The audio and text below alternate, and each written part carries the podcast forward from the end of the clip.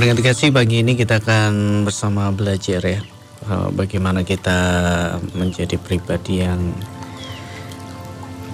uh, berdampak pendengar kasih atau memberikan sesuatu uh, dengan cara bagaimana kita rela rela untuk larut ya, rela untuk kehilangan diri kita. Oke, pendengar kasih kita akan belajar dari garam ya dari garam uh, atau dari gula atau dari lilin. Nah. Tuhan Yesus sering kali mengajarkan banyak hal pendengar kasih bahwa kita harus rela menjadi kehilangan ya. Kita rela kita menjadi rela mengalami kehilangan diri untuk memberikan pengaruh. Nah, sama seperti garam berarti kasih. Anda yang suka memasak tentu tahu ke garam itu uh, ditaburkan ya di dalam sebuah masakan dan garam itu harus dipastikan merata ke masakan ya. Kalau di taruh di ma makanan atau masakan yang berkuah itu tentu saja sangat memudahkan garam untuk larut. Ya. Tapi kalau dipakai untuk nasi goreng ya, atau mie goreng, ya, nah, pastikan itu akan dipastikan itu harus merata berarti kasih. Saya juga kadang buat nasi goreng berarti kasih. Jadi kalau ngaduknya tidak merata ya sebagian akan terasa asin, sebagian nasi akan terasa terasa ini tidak asin ternyata kasih. Jadi rasa Jawanya cemplang gitu ya. Jadi yang satu asin, yang sisi sini nggak asin kan juga aneh. Ya. Jadi dipastikan merata. Ternyata kasih. Nah, sama seperti gula. Ya gula juga harus larut uh, untuk dia bisa memberikan rasa manis itu kasih. Ya. Kalau anda pernah um, memasukkan gula ya di air es yang ada es batunya, ya itu kan kadang sulit ya untuk larut walaupun diaduk. Nah, kadang orang salah bagaimana memasukkannya. Harusnya gula dengan air diaduk dulu ya, baru ditambah dengan es begitu ya. Nah karena kalau tidak larut gula itu walaupun ada gula di dalamnya kalau gula itu tidak larut pernah ngalami ya pergi ke tempat makan dan gulanya tidak larut. Tidak manis menurut kasih tidak semanis yang kita bayangkan ketika kita minum. Kenapa? Karena gulanya tidak larut Begitupun dengan garam, kalau garam itu ya tidak larut penetrasi. Ya. Maka rasa asinnya ya bisa Anda bayangkan bagaimana.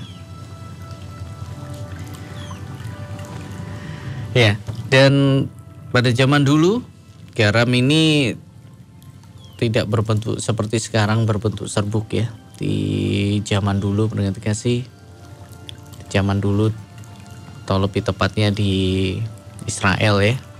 Tapi spesifik lagi di Israel. Zaman dulu orang memakai garam itu dari batu yang mereka ambil dari laut asin laut mati ya. Dan pada zaman dulu orang tinggal di sekitar laut mati dan mereka biasa mengambil garam dari sana untuk kebutuhan sehari-hari. Dan Laut Mati ini adalah sebuah danau asin yang kadar garamnya tinggi sekali. Ya. Dan bentuknya bukanlah uh, butiran kasar atau halus, tapi bentuknya adalah bongkahan batu yang didapatkan di Laut Mati dan mereka akan potong-potong uh, sebesar batu bata atau lebih kecil. Ketika memasak ya, mereka cukup mencelupkan batu garam itu ke dalam kuali. dan didiamkan hingga beberapa waktu. Kalau rasa asinnya sudah cukup, batu garam itu diangkat dari kuali dan disimpan. Nah, jadi begitu caranya. Nah, kalau batu garam ini dipakai terus-menerus, berarti ada yang larut dari dirinya ya kan? Eh, terus-menerus ya, lama kelamaan akan mengurangi rasa asin. Dan ketika rasa asinnya sudah hilang batu ini akan dibuang ya. Dibuang. Karena fungsi dari batu garam ini adalah untuk mengasinkan. Ya. Kita harus memastikan diri kita tetap uh, asin perhati kasih ya? Kalau garam itu dengan kalau garam itu menjadi tawar dengan apakah ia diasinkan ya. Kita diminta untuk terus menjadi asin nah, tapi pagi ini kita belajar bagaimana kita rela untuk larut ya kehilangan diri untuk kita bisa uh, memberikan dampak. Kehilangan diri ini macam-macam kasih ya. Bisa jadi diri ini di sini adalah ego kasih. Kalau kita adalah orang yang sangat egois, ya, sulit bagi kita untuk memberikan dampak. Karena yang kita pikir adalah diri kita sendiri tentunya.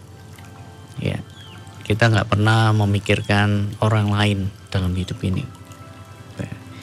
Karena itu kehilangan diri artinya kalau kita mau dalam hidup ini kita ini memberikan satu dampak, ya, kita rela kehilangan diri, ya. Masing-masing orang macam-macam mereka kasih. Masing-masing orang macam-macam untuk orang yang egois dia harus rela kehilangan uh, egoisnya yang begitu tinggi, egonya yang tinggi itu harus mulai dikorbankan ya kan? tidak lagi jadi orang yang egois ya ketika itu dilarutkan ya semakin hilang semakin hilang semakin hilang nah, maka itu akan berdampak mendengar kasih karena ketika keegoisan yang tinggi itu hilang, kita akan mulai belajar tentang orang lain. Kita akan mulai berpikir tentang orang lain. Kita tidak hanya berpikir tentang aku ya, tapi kita akan berpikir tentang kamu. Dalam pernikahan pun ego yang tinggi, pernah sih? Ini sering menimbulkan pertengkaran karena saling mempertahankan ego. Kalau mau pernikahan berubah berarti kasih satu sama lain harus mulai ya mengorbankan ego pribadi tidak lagi memikirkan aku ya tapi memikirkan yang lain kamu dan kita ya. nah ego termasuk e, merasa benar sendiri ya tidak pernah menganggap diri salah nah ini saat akan membuat masalah sih jadi di mana pun ketika kita egois ya, kita tidak akan hidup menyenangkan ya. Karena kita hidup untuk diri sendiri sedangkan Tuhan selalu mengajar kita untuk uh, membagi hidup ini kasih Nah, bagi orang egois eh, menghilangkan ego itu sudah termasuk satu pengorbanan yang luar biasa bagaimana dia melarutkan dirinya. Di mana dia tidak berpikir tentang aku lagi, tetapi berpikir tentang orang lain dan kebaikan bersama. Nah, Tuhan Yesus juga pernah berkata kepada seorang yang kaya yang datang kepadanya, ya dan Tuhan meminta dia untuk menjual seluruh miliknya. Kemudian mengikut Tuhan. Ya. Tapi dia menolak, berarti kasih. Dia sedih karena hartanya banyak. Harta banyak untuk apa? Ya. Harta banyak kalau tidak dilarutkan untuk apa? Berkreasi ya. Jadi misalkan begini, punya harta banyak dalam tabungan atau kalau zaman dulu ada yang namanya paman gober ya, yang suka baca-baca majalah. Bukan majalah ya. Ya majalah sih. Majalah kartun ya. Kalau zaman saya masih ada. Entah anda pernah membaca atau enggak tentang paman gober. Paman gober ini sangat kaya dan dia punya tempat penyimpanan uang yang sangat besar. Ya, jadi di komik itu digambarkan koin-koin berwarna emas. Wah, bahkan saking besarnya tempat penyimpanan sampai di situ uh, sering kali digambarkan di ke gambar-gambar itu ya. Ya, sebagai tempat untuk berenang. Wah, ini logam-logam emas dibuat berenang saking banyaknya. luar biasa. Nah, tapi kalau kita lihat koin-koin itu, ya kalau tidak larut, larut artinya ya dibagikan, dicairkan. Nah, itu tidak bisa memberi dampak apa-apa kasih selain bagi pemiliknya sendiri. Ya, selain bagi pemiliknya sendiri. Ya, bagi pemiliknya apa? ya memberikan kepuasan kadang-kala.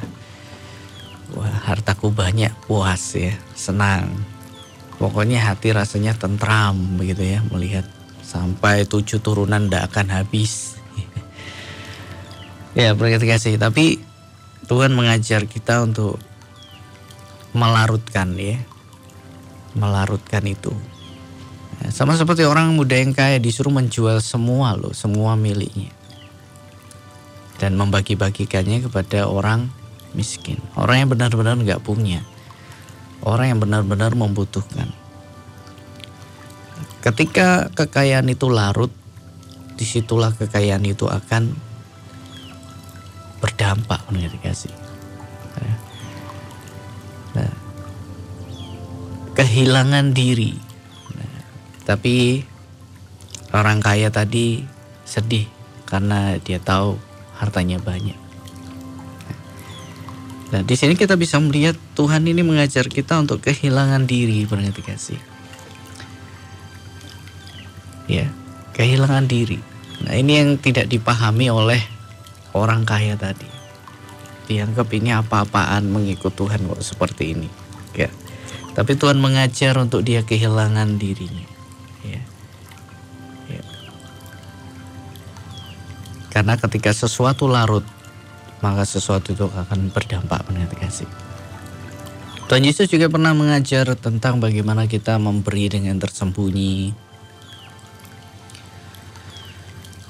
um, berpuasa, bagaimana caranya supaya tidak dilihat orang, ya. sementara banyak orang mencari pujian, Tuhan mengajar kita untuk melakukan dengan tersembunyi. Artinya kita tidak melakukan untuk mendapatkan pujian, kita melakukan sesuatu tidak mengharapkan penghormatan. Kita rela untuk tidak dilihat. Kita rela untuk tidak diketahui. Nah, dengan cara itu, kasih, ya, maka kita bisa berdampak. Nah, rela tidak dilihat, kasih. Banyak orang ingin selalu dilihat dan ini masalah kasih. Ya, ingin selalu dilihat apa yang dilakukan, dikerjakan, ingin supaya orang tahu. Kalau orang tahu nanti dipuji. Kalau dipuji hati gembira ya. Ya, ya seperti itulah kasih. Nah, tapi Tuhan mengajar kita untuk melakukan hal yang tersembunyi itu hal yang tidak menyenangkan. hal yang membuat kita harus melarutkan diri kita lagi keinginan untuk dipuji dilarutkan ya. Pribadi yang selalu ingin dikagumi dihormati dilarutkan nah ketika itu larut pernah kasih maka kita akan bisa berdampak Tuhan bisa pakai kita dengan luar biasa. Ada banyak hal-hal yang dilakukan tanpa terlihat orang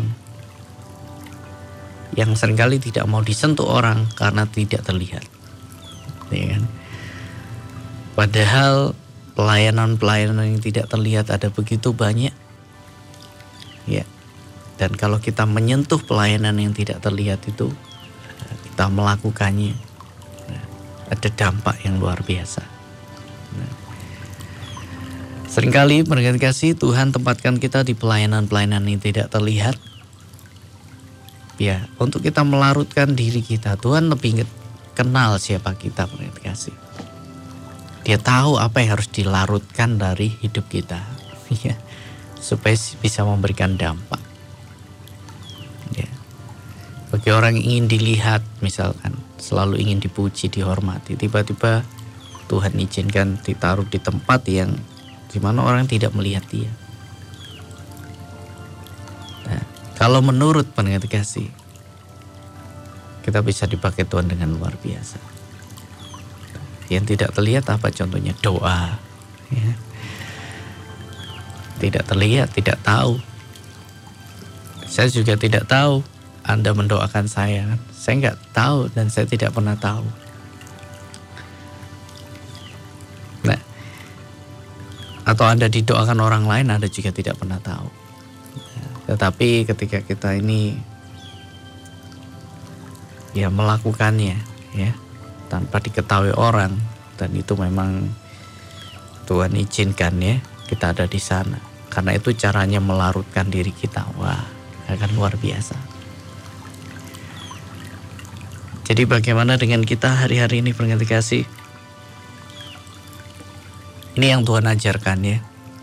Kita larut. Saya tadi cerita apa? Lilin ya. Lilin itu juga harus larut kalau enggak, enggak akan ada terang waktu mati lampu. Ya memang zaman sekarang, zaman modern sudah ada ini. Center dengan baterai yang bisa dicas ya. Tapi kita bicara zaman dulu, belakang. atau kita bicara di tempat yang tidak ada listrik dan di situ ada lilin misalkan. Lilin kalau tidak mau dibakar habis dia tidak akan bisa memberi dampak apa-apa. Ya, semuanya akan tetap gelap. Nanti kasih. Kecuali kalau ada lilin yang mau dibakar, ini aku mau bakar aku. Maka ketika lilin itu mau dibakar, di situ mulai ada terang. Nanti kasih. Dan sejalan dengan terang yang diberikan lilin itu semakin lama semakin habis, semakin habis, semakin habis. Ya. Dan lilin itu akan mati saat dia sudah kehilangan dirinya. Ya. Secara total, tapi dia sudah memberikan dampak dalam hidupnya. Ya. Sama seperti itu pendengar kasih lilin kadang bisa diibaratkan dengan hidup kita panjang pendeknya lilin tergantung dengan umur kita. Ya, ada orang yang umurnya panjang sama seperti lilin yang panjang tapi tidak pernah mau dibakar. Akhirnya hidupnya tidak pernah memberi dampak apa-apa. Nah, lilin kalau ndak untuk dibakar untuk apa ya? Udah kasih ya. Untuk apa kan kita bertanya.